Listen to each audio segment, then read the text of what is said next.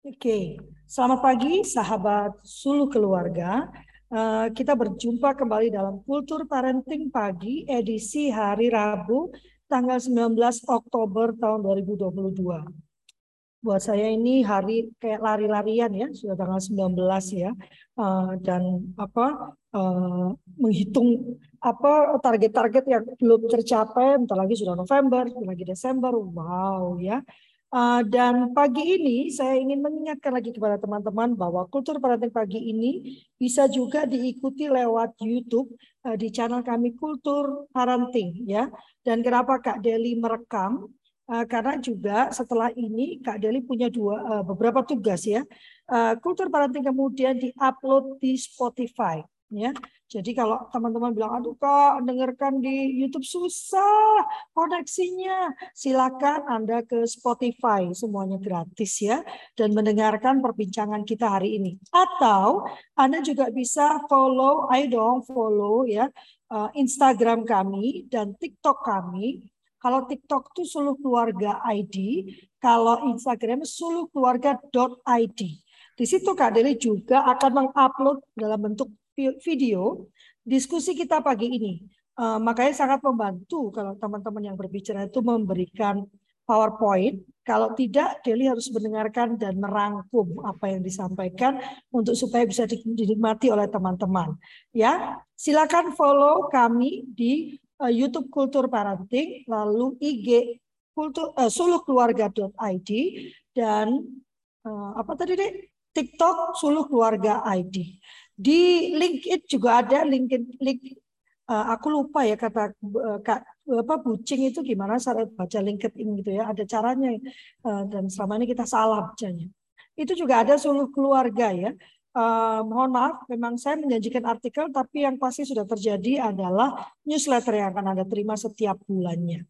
Dan ada beberapa kegiatan yang bisa Anda ikuti, salah satunya pelatihan untuk homeschooling jadi bagi Anda yang tertarik untuk melakukan homeschooling, ada pelatihan homeschooling tiap Sabtu mulai hari eh, sorry, mulai bulan November dengan biaya 200.000 per topik ya per Sabtu ya ada uh, apa itu homeschooling ya siapa sih pelaku homeschooling sebenarnya? Karena makin banyak nih kesalahpemahaman tentang homeschooling gitu ya. Saya homeschooling kak ya.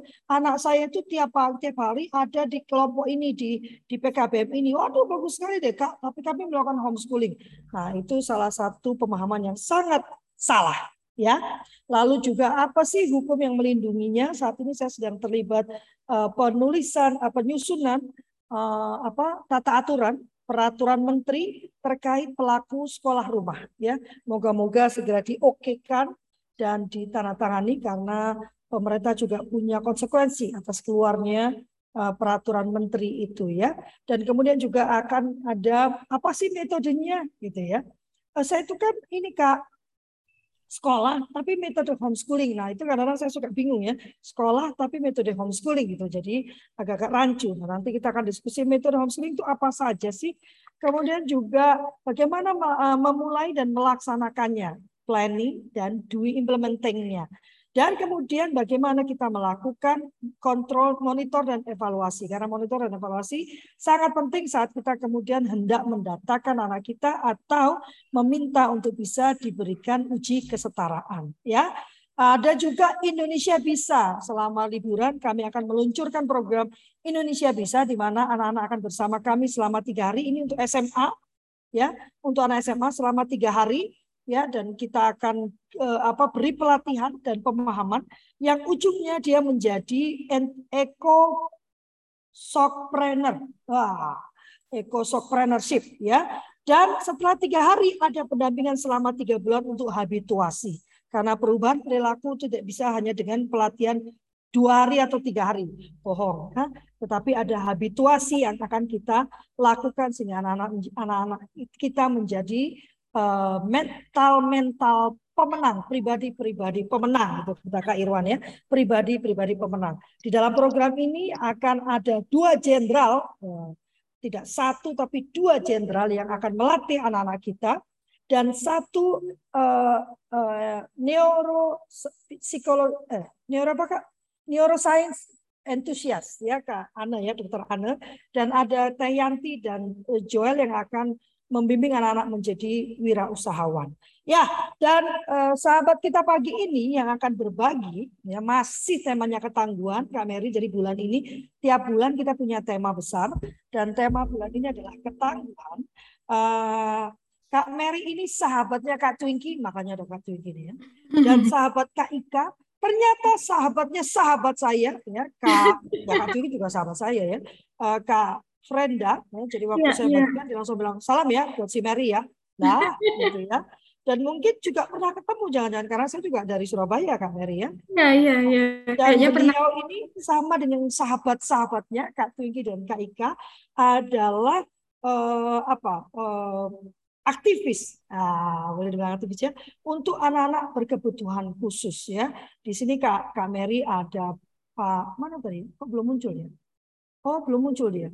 Biasanya ada tadi yang sudah masuk ternyata keluar lagi. Ini ada dari ada dari SDLB ini kan.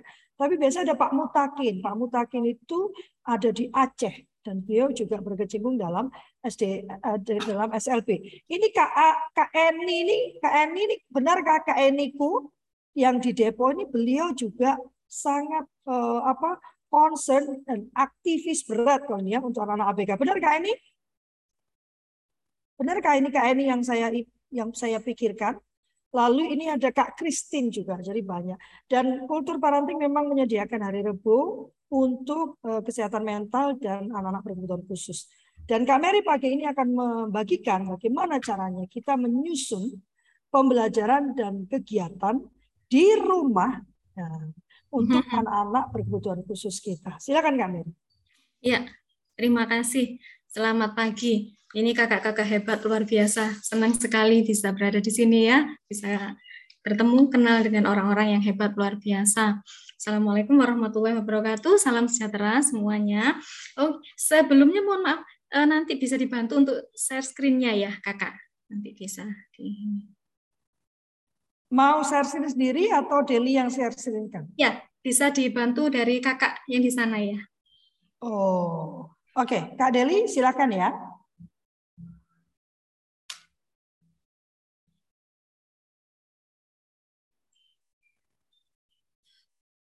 Ya, jadi pagi ini itu ya, eh, nanti mungkin saya harus belajar banyak juga dari Kak Lovely ya tentang bagaimana sih eh, apa sih tentang homeschooling itu pengelolaannya bagaimana seperti apa saya harus banyak belajar ini gitu eh, karena memang kebutuhannya besar untuk saat ini ya eh, pagi ini gitu saya akan sharing tentang bagaimana sih menyusun program dan media belajar di rumah gitu eh, bahwasanya selama ini gitu ada image bahwa mempunyai atau dianugerahi putra putri berkebutuhan khusus itu ribet itu susah, itu mahal, butuh banyak biaya gitu ya.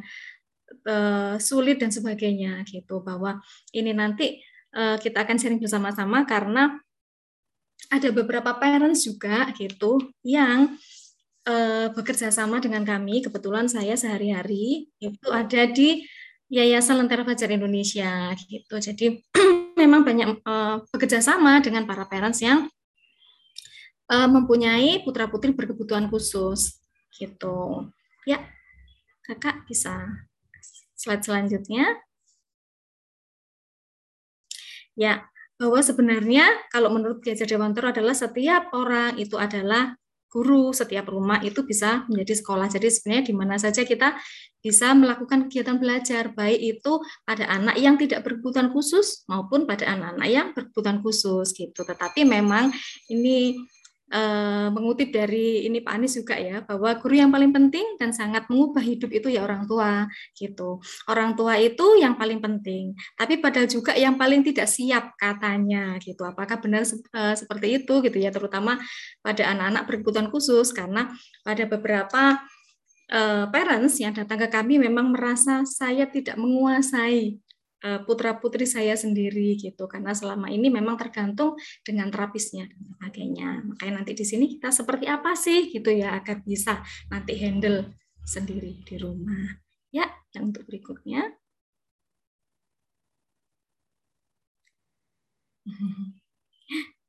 Slide yang berikut Baik, terima kasih. Jadi uh, ini ada beberapa faktor gitu ya. Ada menurut uh, Dr. Nono Heri, ada menurut uh, Valenza gitu ya, yang melatar belakangi tentang kesiapan para peres ini untuk uh, menjadi guru istilahnya ya untuk putra putrinya di rumah. Jadi ada latar belakangnya, kemudian latar belakang uh, pendidikan, latar belakang profesinya, kemudian kemauan untuk terus belajar, terus kemudian waktu yang tersedia karena ini memang jadi faktor ini ya yang sangat kadang-kadang gitu ya yang menghalangi juga. Saya nggak ada waktu saya nggak bisa uh, saya uh, nggak ada pengetahuan tentang anak khusus. Saya bukan dari basic psikologi saya bukan orang pendidikan saya basicnya ini dan sebagainya.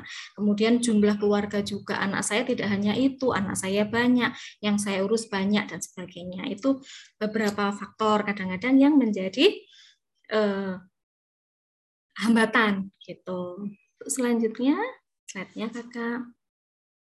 Ya, jadi apakah pendidikan anak berkebutuhan khusus itu mahal gitu? Karena banyak anggapan yang seperti itu. Karena memang e, dalam pendidikan anak berkebutuhan khusus itu e, banyak sekali profesi yang terkait gitu ya yang dibutuhkan gitu. Memang membutuhkan dokter tumbuh kembang anak gitu. Kemudian kadang-kadang juga dibutuhkan uh, dokter syaraf anak.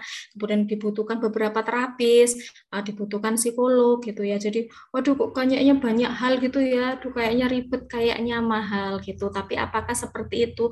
Tidak selalu seperti itu ketika kita nanti tahu uh, seperti apa langkah-langkahnya gitu. Untuk selanjutnya kakak gitu. Uh, apakah alat belajar anak khusus ini harus mahal ya gitu? Karena kalau kita lihat di luar sana, ketika kita mungkin lihat pameran-pameran pendidikan anak khusus, waduh harganya sampai segitu gitu. Di kita lihat di online juga kok mahal-mahal banget gitu ya. Tapi apakah nanti itu memang sesuai atau yang dibutuhkan untuk putra putri kita saat ini. Jadi ada banyak hal, banyak benda-benda di rumah kita sebenarnya yang bisa kita manfaatkan untuk putra putri kita. So, ya, selanjutnya kakak. Gitu. Ya, ini uh, tentang apa itu pendidikan anak berkebutuhan khusus. Jadi memang sudah diatur di dalam undang-undang ya, tentunya ada uh, di pasal 32 Undang-Undang Sidisna tentang pendidikan khusus merupakan pendidikan bagi peserta didik yang memiliki kesulitan dalam mengikuti proses pembelajaran karena kelainan eh, emosional, mental, sosial atau memiliki potensi kecerdasan atau bakat istimewa. Kemudian eh, kita bisa melihat juga di Undang-Undang Nomor 2003 ya, Undang-Undang Nomor 20 tahun 2003 tentang Sistem Pendidikan Nasional gitu bahwa eh, di dalam pendidikan kita itu ada non formal, ada informal dan ada formal gitu. Jadi eh, semakin luas sebenarnya ya kesempatan belajar untuk anak-anak kita. Jadi banyak sekali pilihan gitu. Tadi seperti yang disampaikan oleh Kak Lofi juga gitu ya. Ada homeschooling, terus kemudian ada yang masuk sekolah formal, terus kemudian ada juga sekarang ini yang sekolah payung dan sebagainya. Jadi semakin banyak sebenarnya pilihan pendidikan untuk anak-anak berkebutuhan khusus kita. Selanjutnya.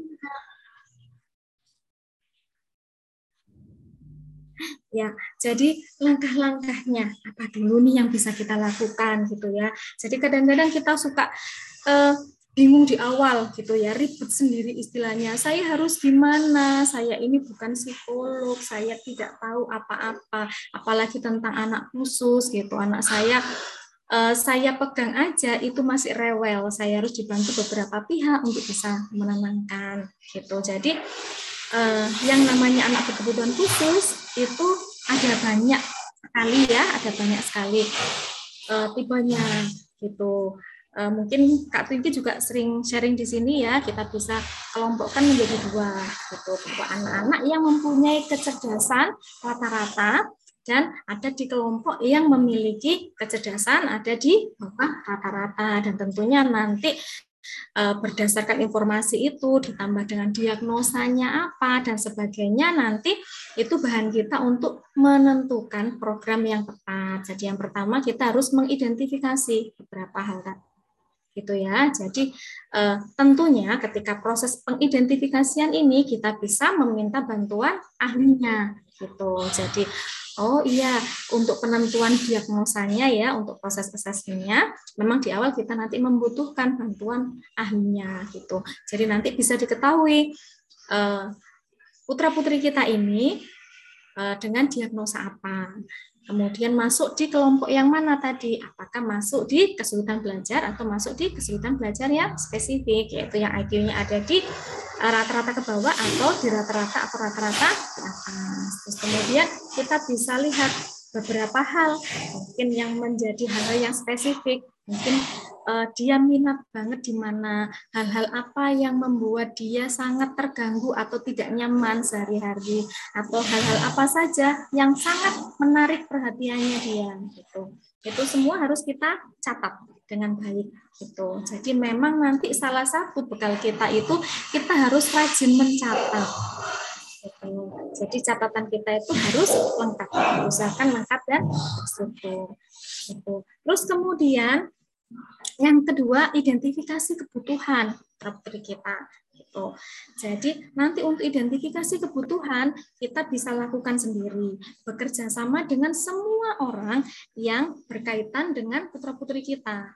Misalnya di rumah ada pengasuh, misalnya ada kakek, ada nenek. Mungkin kalau yang sudah sekolah gitu ya, eh, dengan gurunya atau kalau yang sedang menjalani terapi dengan terapisnya gitu. Jadi kita bekerja sama dengan semua pihak tadi untuk melakukan pencatatan-pencatatan terkait dengan kebutuhan putra-putri kita sekarang.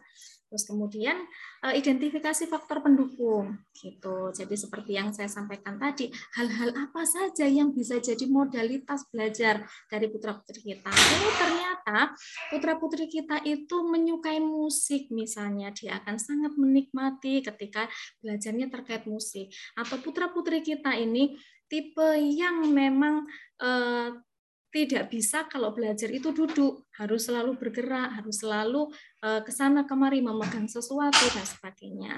Gitu.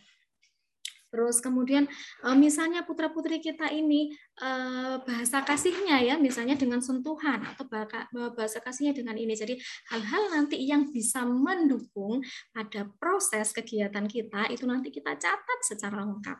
Gitu. Kemudian yang selanjutnya adalah identifikasi faktor penghambat. Gitu. Jadi kita uh, susun juga ini gitu ya. Jadi kira-kira apa saja sih yang jadi faktor penghambatnya?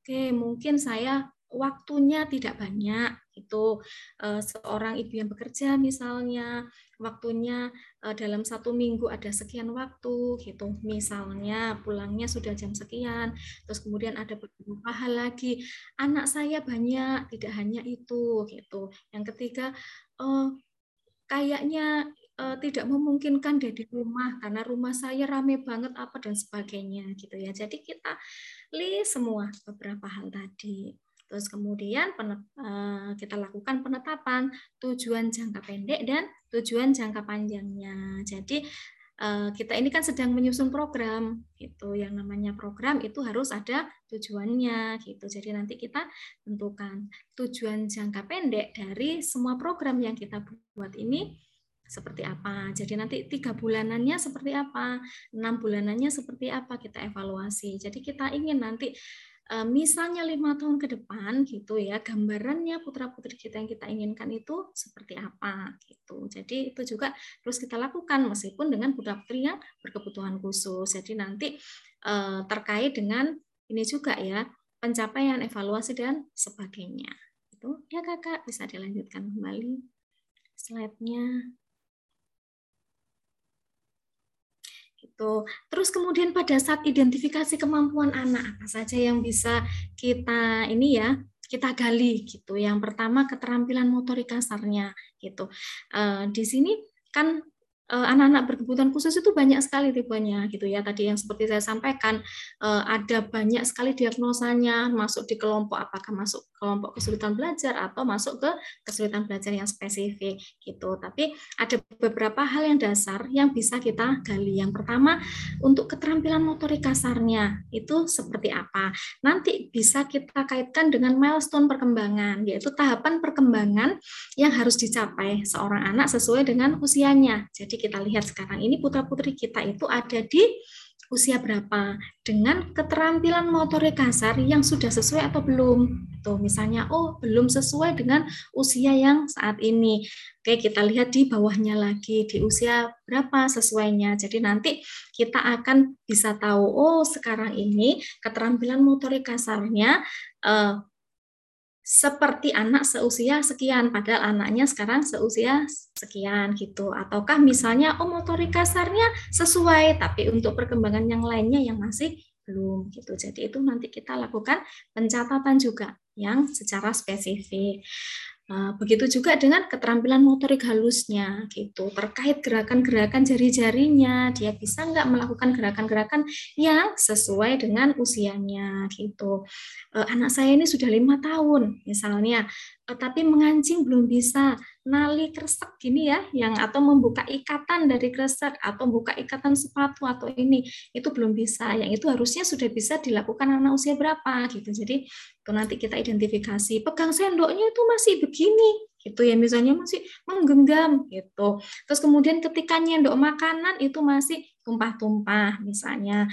Atau ketika kita lihat uh, dia mewarnai masih dalam bentuk genggaman dan gerakannya masih seperti ini, belum yang seperti ini dan seperti itu. Jadi nanti itu juga kita catat gitu. Bahkan kita dokumentasikan gitu. Jadi pendokumentasian dan pencatatan itu sangat-sangat penting gitu ya kita lakukan. Kemudian kita lihat bahasa reseptifnya. Bahasa reseptif itu bahasa pemahaman. Sampai di mana sih seorang anak itu ah, bisa memahami uh, pembicaraan kita atau situasi di sekeliling kita gitu ya. Jadi uh, anak kita misalnya uh, sekarang usianya tadi misalnya sudah di usia TK, tapi uh, kita berikan instruksi dua tahap itu masih belum mengerti. Instruksi dua tahap misalnya seperti ini. Uh, kakak minta tolong ambilkan gelas yang ada di atas meja kuning ya, gitu misalnya atau ambilkan gelas biru di dapur gitu. Jadi e, untuk seperti itu dia masih agak bengong atau masih harus dibimbing. Misalnya harus satu-satu kita kak ke dapur. Setelah ke dapur ambilkan gelas yang apa gitu. Jadi kita lihat kemampuannya apakah sudah sesuai atau belum gitu. Dan rata-rata untuk anak yang e, usia tiga tahun harusnya sudah memiliki sekitar 500 sampai 2000 kata gitu. Jadi nanti kita lihat, kita cocokkan dengan milestone perkembangannya. Sekarang dia di posisi yang mana gitu. Kemudian yang selanjutnya kita lihat juga, kita cek kemampuan bahasa ekspresif kita, eh, bahasa ekspresif anak-anak kita. Uh, uh, Kak Mary kayaknya ribet banget gitu ya, saya kok jadi terapis gitu.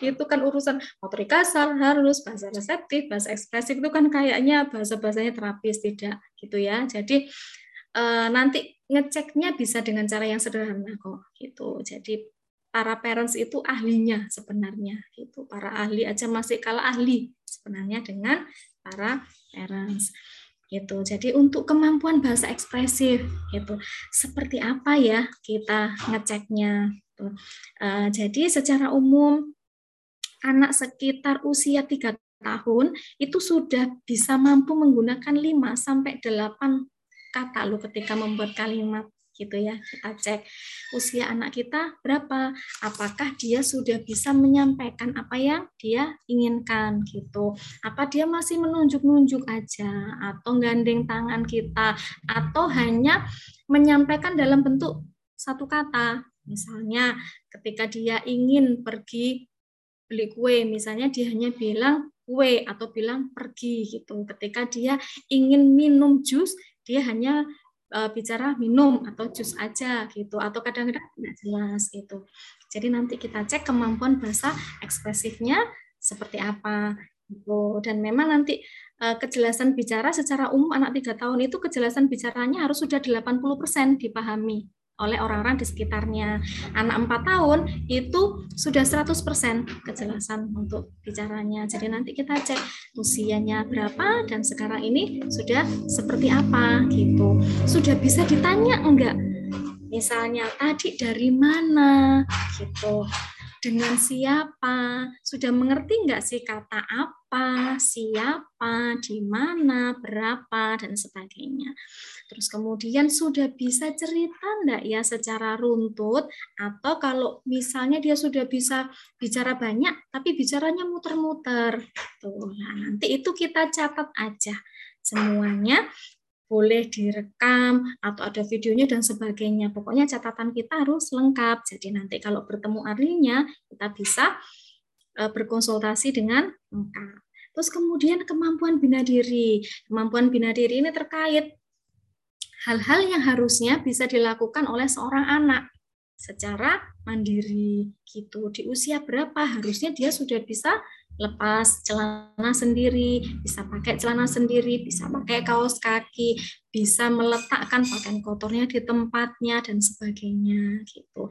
Dan e, kita lihat juga keterampilan interaksi sosialnya seperti apa ya e, ketika dia bersama orang lain uh, ketika bersama anak yang sebaya dengan dia seperti apa, ketika bersama yang usianya di bawah dia seperti apa, atau yang di atasnya dia bagaimana gitu. Dia cenderung apakah bersama kita terus meskipun ada teman atau sudah bermain dengan teman tetapi mainannya sendiri berkumpul tapi sendiri atau sudah bisa dengan teman-temannya tapi lari-larian aja ngikuti aja atau sudah seperti apa gitu. Jadi itu juga nanti kita catat gitu. Selanjutnya kakak, selanjutnya. Ya, terus kemudian hal apa lagi yang bisa kita lakukan gitu. Yang pertama, kita bisa menyusun, membuat jadwal yang terstruktur gitu. Jadi mulai buka mata mulai pagi ketika anak itu bangun tidur gitu ya, kita buatkan jadwalnya sampai anak tutup mata kembali sampai tidur. Jadi semua kegiatannya nanti eh, sebisa mungkin mengandung unsur-unsur terapeutik. Tuh. Jadi ketika dia makan, apa saja yang bisa dilakukan yang mengandung unsur terapeutik. Ketika dia mandi, ketika dia main-main dengan kucingnya misalnya, ketika dia nyusun-nyusun baloknya, ketika dia pensil, pegang pensil, coret-coret dan sebagainya. Jadi kita setting seperti apa gitu ya, agar bisa mengandung unsur terapeutik. Jadi nanti kita susun jadwal gitu. Mulai dia bangun tidur, mulai buka mata sampai dengan tutup mata kembali. Kemudian kita buat sistem penilaian. kita siapkan. Jadi eh, nanti hari-hari kegiatan kita bersama anak itu kita buat sistem penilaian. Tadi kan sudah dibuat strukturnya, sudah dibuat jadwalnya pagi, itu mandi, mandinya uh, buka bajunya misalnya sudah dibantu uh, masih dibantu atau sudah mandiri kemudian ketika mandi kegiatannya dia uh, misalnya pakai sabun dan sebagainya itu sudah mandiri atau dibantu dan sebagainya itu semuanya kita catat harian. Jadi ada pencatatan yang detail juga atas kegiatan-kegiatan yang sudah kita lakukan gitu. Jadi ada sistem penilaian yang jelas, ada sistem pencatatan dan ada alat penunjang belajar gitu. Jadi kalau dengan anak-anak berkebutuhan khusus memang lebih baik sifatnya visual gitu dan enggak hanya visual saja yang harus melibatkan semua indranya gitu ya ketika belajar dan ini nanti bisa menggunakan alat-alat yang ada di rumah nanti bisa kita diskusikan bersama ya apa saja yang bisa dilakukan contoh-contohnya. Terus kemudian setting area belajar gitu ya. Semua sudut di rumah kita kita bisa jadikan tempat rapi untuk putra-putri kita ya. Eh, apakah itu di teras, mau di kamar, mau di dapur, mau di kamar mandi, mau di mana pun itu memang kita setting itu bisa dijadikan tempat untuk bisa menambah keterampilan dari putra putri kita. Ya, selanjutnya kakak. Itu, jadi ini contohnya itu di situ ya. Jadi itu jadwal yang dibuat gitu ya. Jadi ada pagi kegiatannya apa, gitu ya. Setelah itu apa, setelah itu apa. Jadi nanti eh, ada tulisan dan dilengkapi dengan gambar. Jadi nanti tergantung putra-putri kita ada di usia berapa, dengan kemampuan yang seperti apa gitu. Jadi ada gambar yang bisa putra-putri kita lihat dan bisa dilengkapi juga dengan waktunya untuk putra-putri kita yang belum bisa melihat waktu ya, belum bisa melihat jam, kita bisa gambar aja waktunya. Jadi bukan misalnya 07, 00, bukan seperti itu, tapi gambarnya memang angka jarum panjangnya di angka 12, jarum pendeknya misalnya di angka 7, kegiatan itu harus sudah berakhir pada ketika jarum panjangnya di mana, jarum pendeknya di mana. Jadi hal-hal seperti itu. Jadi eh, nomor satu yang kita garis bawahi itu informasi yang jelas yang kedua, urutan kegiatannya seperti apa. Terus kemudian hal apa yang diharapkan oleh kita terhadap putra-putri kita pada sesi kegiatan yang itu. Itu harus kita beritahukan dengan jelas gitu. Terus kemudian boleh juga diberikan peraturan sosialnya ketika kegiatan itu. Misalnya ketika kita melakukan ini ketika anak ini itu boleh kita silang dengan tanda merah. Misalnya ketika uh, sesi yang uh, bantu petik-petik sayur gitu ya. Terus apa saja hal-hal yang kita tidak harapkan gitu. Misalnya sayurnya dihambur-hamburkan gitu. Jadi kita boleh memberikan informasi ada gambar sayur yang dihamburkan dengan tanda cross merah gitu. Jadi ini hal-hal yang seharusnya yang kita harapkan, kita beritahukan seperti ini, urutannya seperti ini. Jadi kita bisa tunjukkan baik dengan informasi langsung maupun gambar sebelumnya. Jadi kita bisa ini ya, cari sekuennya, gambar sekuennya. Kita bisa cari bahannya banyak ya di ini ya. Kita cari di Google banyak bahannya. Jadi urutan kegiatannya seperti apa kita informasikan dulu hal-hal yang kita harapkan itu ini. Jadi kalau melakukan ini dapat smile, tapi kalau yang ini maaf. Cross gitu. Jadi kita beritahukan gitu. Jadi ini hal-hal yang bisa dilakukan di rumah. Jadi eh, ternyata lemari kita itu bisa jadi media juga untuk terapi gitu ya. Ternyata tukang sayur di depan itu bisa membantu kita juga untuk jadi eh, media terapi juga gitu untuk putri kita. Ternyata ngisi air eh, yang dimasukkan di kulkas kemudian apa itu segala sesuatunya bisa dijadikan kegiatan terapeutik. Jadi ngisi air di gelas misalnya, e, Kak tolong isi setengah atau tolong penuh. Nah itu juga salah satu kegiatan yang mengandung unsur terapeutik juga bahwa eh, melatih kemampuan anak untuk bisa mengira-ngira ya bahwa setengah itu seberapa? Ini gelasnya nggak ada garis-garisnya ini nggak ada takarannya gitu. Yang penuh itu yang seperti apa? Terus kemudian digeneralisasikan pada botol digeneralisasikan pada wadah-wadah yang lain gitu. Terus kemudian uh, lemari kita juga bisa jadi uh, alat yang bagus juga gitu. Uh, ini kak baju yang ini letakkan ditumpukan baju yang paling pendek. Ini tarik atau ambil baju yang paling atas, ambil baju yang tengah, ambil baju yang bawah. Di situ sudah bahasa reseptifnya sudah kita ajarkan juga. Keterampilan motorik halusnya juga sudah kita ajarkan juga karena dia harus belajar narik dengan pelan-pelan dan sebagainya gitu.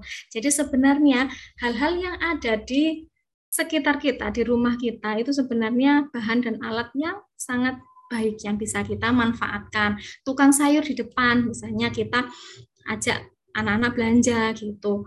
Uh, jadi kita ajarkan tentang uang misalnya. Uh, yang ini harganya misalnya ini tempenya 6.000. 6.000 itu bisa terdiri dari uang berapa aja. Misalnya 6.000 bisa pecahan seribuan sama 5.000. Bisa terdiri dari 2.000-an jumlahnya tiga. Bisa pecahan mana lagi yang bisa menghasilkan 6.000 gitu. Jadi itu juga sudah bahan belajar. Tetapi tentunya nanti ketika kita menyusun program gitu ya harus uh, terstruktur dan memang di awal itu membutuhkan bantuan uh, ahlinya ketika di awal. Jadi uh, kita tidak melakukan kegiatan yang keterampilan di bawahnya itu belum kita berikan.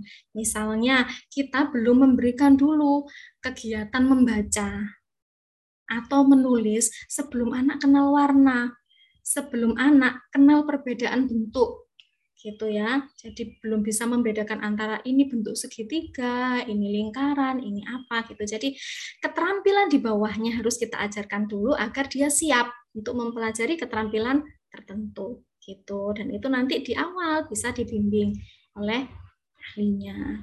Terus selanjutnya kakak, slide-nya gitu. Jadi media penunjang belajar itu apa saja? Jadi benda-benda yang ada di sekitar kita. Terus kemudian yang sifatnya tidak berbahaya, eh, terutama yang sifatnya aplikatif. Kalau untuk latihan motorik halus, ya sudah.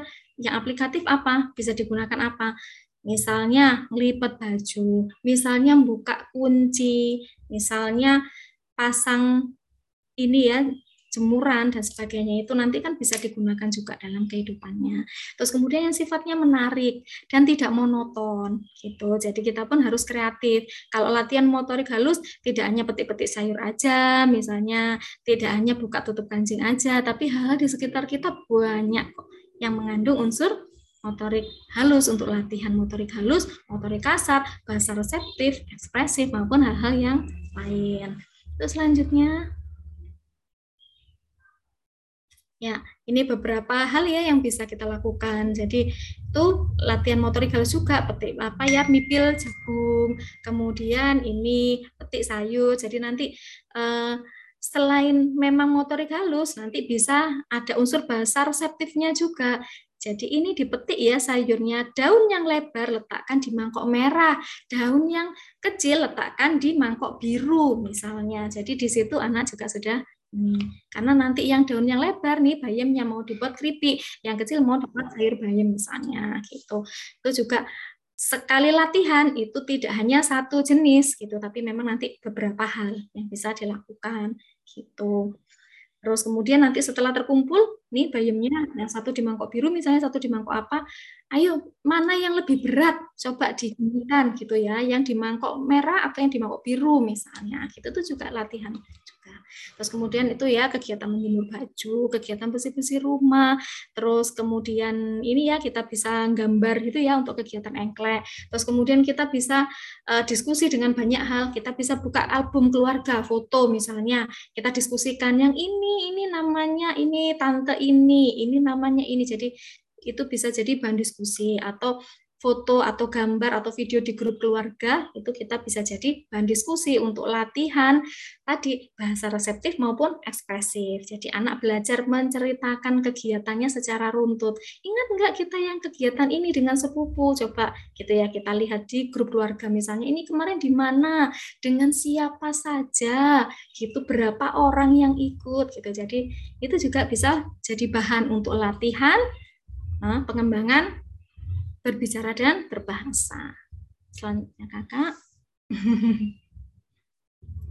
ya, kakak.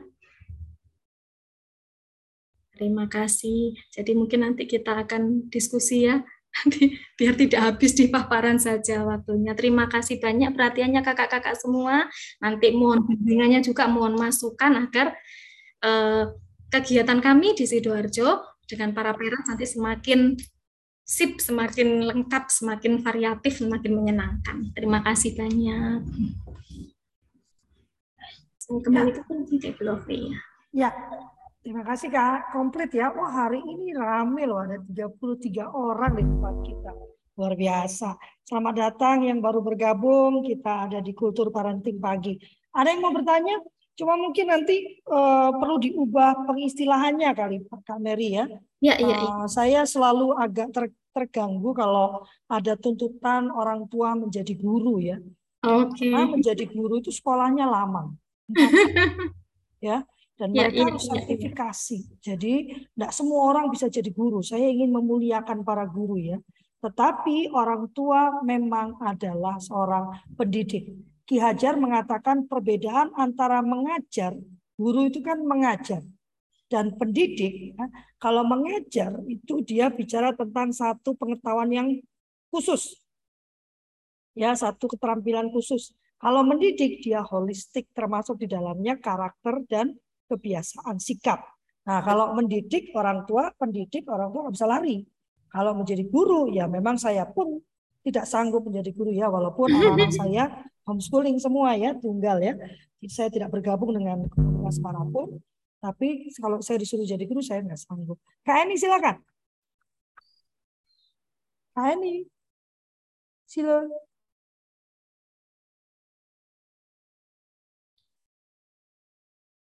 Mana Kak Eni? Oh ya, itu dia. Maaf. Silakan Kak. Iya ini soalnya sinyal. Ini Kak eh, menarik sekali pembahasannya. Saya punya anak murid ini uh, dia sepertinya bukan termasuk anak yang ABK, uh, tetapi butuh penanganan khusus karena behaviornya, behaviornya gitu ya. Anak pandemi ini, anak semata wayang juga dan anak artis singkat cerita sibuk ya orang tuanya. Namun ini anak eh, eh, dia suka makanannya hanya tertentu saja. Udah hampir mirip ya, mirip ke ciri-ciri anak autis gitu. Eh, sulit untuk beralih ke makanan yang lain.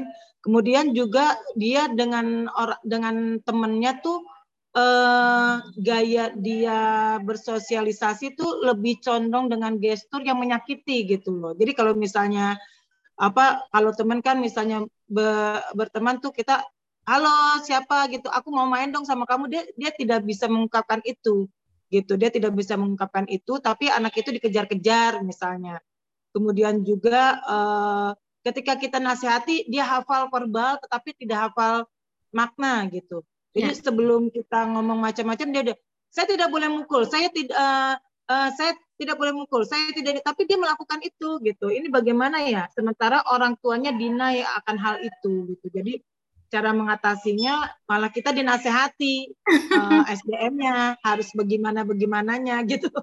saya sudah iya. menitipkan anak di sini berarti harus ABCDE gitu ya. Jadi intinya uh, untuk kerjasama dengan orang tua agak terputus gitu ya. Jadi uh, dia menyerahkan semuanya ke sekolah. Ini gimana ya kak ya? Uh, kita udah berusaha banget tuh untuk apa memberikan yang terbaik untuk setiap anak ya termasuk anak yang unik gitu.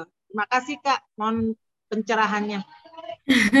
Terima kasih kak Eni, menarik sekali ya sebagai pendidik. Ya, itu tadi sharing dari kak Eni bahwa siswanya gitu ya ada yang menarik sekali, unik sekali gitu ya. Uh, jadi makannya maunya itu itu aja kemudian cara berinteraksinya cara menyapa teman itu juga unik gitu ya. Kalau yang lainnya dengan hai menyapa dan sebagainya itu dengan cara yang agak berbeda gitu ya gitu. Dan agak berbedanya cenderung eh, tidak disukai temannya gitu. Jadi memang agak susah-susah gampang ya Kak Eni memang ketika kita berkomunikasi dengan orang tua. Tapi nanti hal-hal yang bisa membantu kita tentunya itu data Kak Eni gitu. Jadi nanti bisa disusun datanya gitu jadi eh, anak itu hidupnya kan di beberapa tempat gitu ya. Jadi di rumah, kemudian di sekolah dan di beberapa tempat yang lain misalnya ikut klub apa, ikut kegiatan apa dan seperti apa gitu ya. Jadi biasanya di semua tempat di mana anak-anak berkegiatan ini itu uh, kurang lebih gitu ya dengan pola yang sama anak itu berinteraksinya gitu. Jadi kita bisa mengumpulkan informasi nih. Misalnya kalau yang di rumah gitu ya belum tergali gitu, kita bisa e, menggalinya di tempat yang lain. Misalnya di sekolah. Di sekolah kemarin di kelas yang sekian itu seperti apa datanya ketika bersama Walas A misalnya seperti apa, kemudian ketika naik kelas di mana seperti apa, dan ketika kegiatan di lain misalnya di klubnya dia e, melakukan kegiatan apa atau di tempat-tempat yang lainnya itu seperti apa? Apakah ada kecenderungan hal yang sama yang bisa dilakukan? Nah, ini nanti bisa jadi bahan diskusi bersama orang tua gitu. Kadang-kadang orang tua itu khawatir banget kalau putra-putrinya nanti dikategorikan dalam anak berkebutuhan khusus gitu. Makanya kadang-kadang belum-belum sudah ketika diundang ke sekolah gitu sudah yang denial, sudah yang gitu ya. Jadi yang malah e, ibu kurang bisa sih memberikan pendekatan jadi tipsnya begini begini begini gitu kadang-kadang kan dibalik gitu gitu. Tapi kalau kita punya datanya gitu ya ada catatan yang lengkap bahwa di kegiatan ini hal-hal yang seperti ini gitu. Jadi yang berdampak misalnya akhirnya teman-temannya menjauh misalnya akhirnya sekarang temannya sedikit atau misalnya dampaknya ini ini ini ini gitu. Jadi nanti disampaikan aja secara terbuka. Dan tidak harus yang seperti itu nanti eh, masuk kategori anak yang berkebutuhan khusus juga gitu. Untuk bisa mendiagnosa itu memang kan dibutuhkan ahli. Tapi memang tugas dari sekolah, tugas pendidik di sekolah itu adalah memfasilitasi bagaimana anak ini nanti berkembang baik di sekolah. Hal-hal yang menjadi penghambatnya nanti kita bantu, kita urai gitu. Jadi eh, hal-hal yang tadi kan istilahnya bisa menjadi penghambat untuk perkembangannya ketika di sekolah. Lah ini bahasanya yang kita ini ya. Jadi kita berusaha bersama-sama ayah ibu untuk bisa membantu mengurai ini. Untuk itu dibutuhkan kerjasama dan keterbukaan agar kita membantunya itu bisa optimal gitu. Ya. Ya, uh, terima kasih Kak Merli. Ini juga ada sedikit tambahannya yaitu dia tidak suka suara bunyi-bunyian. Jadi mau kita setel audio pengajian meskipun kecil dia nggak suka. Tutup telinga. Kita setel musik, ya tutup telinga, tutup telinga. Nah, terus kayak misalnya musik kan biasa kan kita ada musik anak TK itu kan cenderung ya dengan pensinya, dengan apanya dia tutup telinga. Ya, gitu. Ya. Jadi memang seperti oh. itu gitu. Jadi uh, kita menggali seni seni dan estetika rasanya tuh agak susah dengan audio yang audio itu kan karena kan kalau dengerin musik kan biasanya anak tuh lebih tersalurkan entah itu kita pada saat lagi senam ayo kita senam bareng dan lain sebagainya dia tutup tutup telinga gitu seperti itu jadi surplus energinya nggak dapet uh, apa namanya kalau kita mau melembutkan hati dengan ayat-ayat suci juga sulit gitu. Jadi ya memang kerja keras untuk mengurai itu karena orang tuanya juga tidak apa menutup pintu itu gitu. gitu. Ya, ya, ya. Ketika proses uh, misalnya penerimaan rapot biasanya kan ada diskusi ya Kak. Itu seperti apa? Ya, ya. Uh, ya. Kan kita menceritakan ya seperti apa sih uh, perkembangannya di sekolah, ya. kemudian hal-hal itu seperti apa? Ya sudah diceritakan, tapi ya memang tadi seperti yang saya katakan, jadi uh, orang tuanya uh, malah menggurui kita seharusnya ABCDE seperti itu, gitu sih kak. Jadi saya hanya ingin sharing ini aja sih terapinya supaya kami uh, bisa melakukan itu apa mengurai mengurai kemampuannya dia dengan baik gitu. Uh, karena Jadi pertama uh, kayak ini unik. tidak uh -uh. boleh menentukan terapi sendiri. Ya. Jadi tetap nah. harus dibawa ke psikolog. Nah, mungkin nanti kata-katanya. Nah, Ibu, kami perlu data tumbuh kembang Ananda. Nah, boleh gak dibawa ke psikolog ini Bu? Dia terkenal sekali ya. Dia udah terkenal sekali Bu. Boleh nggak dibawa ke sana supaya waktu kami membantu anak ibu itu tepat sasaran. Jadi jangan dibilang sepertinya kok ada tanda-tanda berkebutuhan khusus ya Bu ya. Wah, sudah panik ya. Tapi kami ingin data yang spesifik terkait tumbuh kembang ya. Jadi monggo kok, kok boleh dibawakan. Nah nanti tolong Bu hubungkan saya dengan psikolog tersebut ya Bu supaya kami bisa berdiskusi. Hmm. Ya, ya Bu ya. Tapi guru tidak boleh menjatuhkan, uh, tidak boleh menegakkan diagnosa oh ini autis ini, oh ini disleksia. Tidak boleh. Ya, guru hanya bisa mendeteksi. Guru dan orang tua hanya bisa mendeteksi bahwa ada uh, kecenderungan. Nah, ya. Sehingga nanti perlu di uh, jadi kayak gini. Kayaknya kamu batuk-batuk deh nah nggak bisa kan dia bilang sepertinya kamu covid. Nah bisa kan? Tapi kok kamu batuk-batuk ya? Napasmu agak sesak ya? Ayo kita ke dokter Nanti dokter yang menegakkan diagnosa, dokter yang memberikan resep. Nah, seperti itu Bu ya. Nah, nanti di sana ya, kita ke psikolog. Psikolog nanti menegakkan diagnosa, dia yang membuat resep. Nah, tapi kalau di psikolog, pelaku resepnya bukan apoteker. Kalau di psikolog, pelaku resepnya adalah terapis. Tapi jangan potong kopas, datang ke terapi sendiri ya, terus langsung minta terapi membuatkan terapinya. Atau uh, guru kemudian tanya ke Kak Mary, ke Kak Twinky, tolong dong ke anak seperti itu enaknya diapain ya? Nah, ini juga ya, ya, ya. itu itu ya. melanggar uh, apa uh, etika profesionalisme. Ya, Betul. tetapi buat saya ya. itu juga melanggar hak anak karena nanti ibu kita melakukannya tidak pas dengan tumbuh kembangnya. Nah, ya Bu Heni ya. Jadi nanti bicaranya dengan orang tua itu. Yang kedua mungkin nanti ke depannya Bu Heni perlu menunjukkan ke orang tua ini nanti saya bagikan ya ada peraturan menteri ya tahun 2019 kalau nomor 30 kalau nggak salah tentang peran keluarga di dalam pendidikan anak. Nah itu ada peraturan menterinya bu dan peraturan menteri itu mengatakan ada empat peran keluarga ya. Yang pertama dia memberikan motivasi ya kan. Yang kedua dia menjadi uh, apa uh, dia menegakkan kebiasaan baik jadi karakter baik itu bukan dimulai di sekolah. Kebalik ya. Karakter itu ditanamkan di rumah, diamplifikasi di sekolah. Jangan kebalik ya. Jangan kebalik. Jadi bukan sekolah menerapkan kebiasaan baik, tolong Bapak Ibu di rumah memperkuat kebalik ya. Salah. Itu secara natur melanggar hukum alam ya.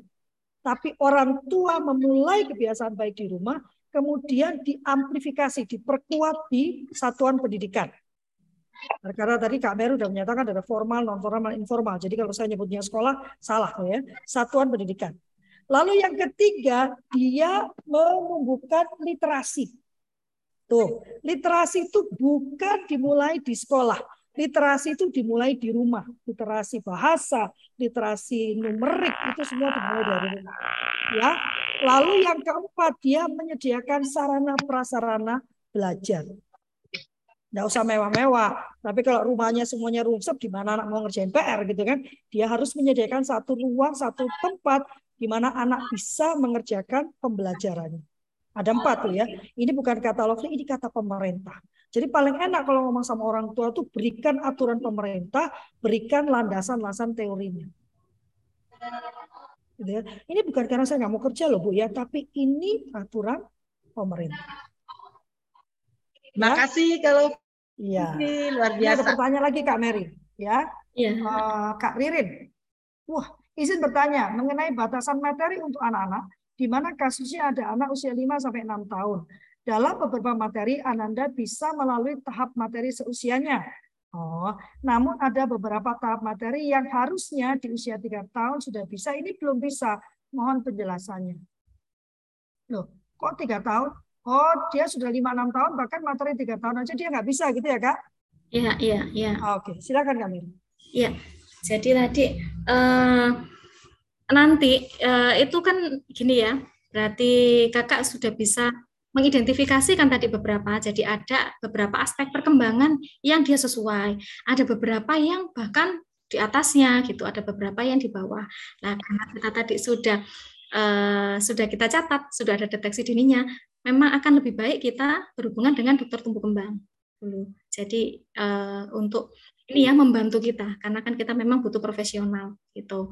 Jadi uh, setelah bertemu dengan dokter tumbuh kembang, kemudian nanti kita bisa bertemu dengan teman-teman psikolog untuk bisa menentukan langkah yang berikutnya gitu. Udah bagus sekali tadi uh, kakak udah bisa ini ya karena tidak semua parents itu juga cermat gitu ya bisa melihat bahwa oh dipikirnya ini bisa pasti itu bisa gitu. Jadi kakak sudah bagus sekali sih, sudah bisa melihat satu persatu ya aspek perkembangannya gitu. Hmm, luar biasa. Uh, saya kasih satu lagi ya, uh, masih 8 lebih 3, kita biasa selesai 8 lebih 10. Kak Dani, Kak Vivi, Kak Dani mau nanya, itu udah wajahnya wajah pertanyaan. Selamat berkat, ini masih ada nggak sih Pak uh, Pak Jusak? Oh udah pergi dia. Oke, telat menyapa. Silakan Kak Dani. Iya, uh, Makasih uh, Kak Mary untuk itu sharingnya betul tadi kata Kak Lofi ya lengkap bener gitu semuanya uh, detail banget. Gitu. Nah mungkin uh, saya tuh mau menanyakan kan tadi di, dikatakan bahwa uh, yang yang pertama itu kita harus mengidentifikasi ya uh, baik itu kemampuan, kebutuhan atau faktor pendukung, faktor menghambat semua itu gitu. Nah identifikasi ini dari pihak kita atau dari pihak yang ahlinya Terus seandainya uh, dia dalam maksudnya uh, di tempat yang jauh daripada mungkin dari kota ya. ya. Nah itu terus uh, apakah bisa dilakukan uh, identifikasi uh, melalui apa assessment atau jarak jauh atau gimana gitu? Kan banyak juga yang yang di daerah-daerah itu mereka uh, sebenarnya butuh lah ya. Cuman kan mungkin uh, fasilitas atau apanya itu penunjang itu jauh dari dari lokasi itu. Uh, solusinya gimana Kak Mary? Terima kasih. Terima kasih banyak Kak Dani. Betul, memang itu banyak sekali juga keluhan ya dari para parents di luar sana. Jadi yang pertama pengidentifikasian itu dilakukan oleh siapa? Kita atau ahlinya. Tentunya dilakukan oleh ahlinya, tetapi dengan bahan yang lengkap dari kita agar nanti para ahli ini juga terbantu ketika penentuan diagnosanya gitu. Jadi dari kita sudah ada catatan yang lengkap bahkan ada dokumentasi yang lengkap. Jadi kita bertemu ahli itu kan biasanya tidak lama ya, tidak yang berjam-jam gitu, sehingga para ahlinya bisa melihat perilaku putra-putri kita secara lengkap gitu. Jadi memang data kita tadi itu itu yang sangat dibutuhkan gitu. Jadi kita mungkin ketemunya mungkin 30 menit sampai paling lama satu jam gitu. Jadi kalau eh, waktu itu kan segitu kan mungkin tidak tergali semua aspek dari putra-putri kita. Jadi catatan kita tadi sangat-sangat penting. Jadi catatan kita tadi itu awal modalitas awal ya untuk bisa para ahli ini menentukan. Dan jadi kalau tadi eh, lengkap datanya, insya Allah nanti pendiagnosaannya kan juga akan lebih baik ya terdeteksi dengan lebih baik berdasarkan data yang ada. Terus kemudian yang kedua, bagaimana kalau jauh gitu ya tinggalnya di kota yang memang di situ tidak ada ahli atau bahkan di pedalaman. Tadi sama yang bisa kita lakukan eh, bisa melakukan pencatatan tadi bahkan dilengkapi dengan video anak kita ketika sedang eh, aktivitas A, B, C, ketika sedang marah, ketika sedang ini, ketika sedang itu dan ada beberapa ahli juga kok yang uh, ini nantinya. Kalau memang memungkinkan kan datanya di bawah kita bertemu ini. Ada beberapa juga yang bersedia juga uh, dikirim juga. Jadi video-video kita atau data kita kita kirim untuk bisa dibantu dianalisa gitu. Tetapi memang nanti uh, tetap dibutuhkan satu atau dua kali pertemuan agar untuk bisa melengkapi datanya. Tapi setidaknya ada gambaran yang bisa didapat gitu ya dari ahlinya tadi untuk bisa menyampaikan saran di sini kayaknya banyak ahli-ahlinya juga ini yang saya lihat gitu. Jadi nanti bisa membantu juga para parents yang di luar sana ya yang kesulitan untuk bisa ini ya yang di kotanya mungkin tidak uh, menemukan gitu. Jadi dari data yang lengkap tadi mungkin bisa dibantu sebelum adanya pertemuan langsung. Kurang lebih seperti itu Dani. Makasih Mary. Ini saya mau manas-manasi teman-teman terus ya, Kak Twinkie. Ayo, sebetulnya adalah kewajiban pemerintah untuk menyediakan sarana prasarana tersebut, Kak Dani. Itu ada di tata aturannya.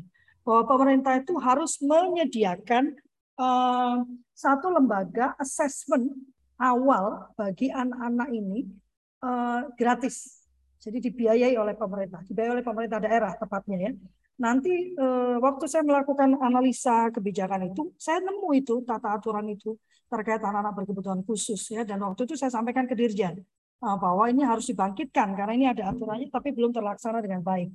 Dan kemudian dipersempit dengan menjadi pusat autis saja.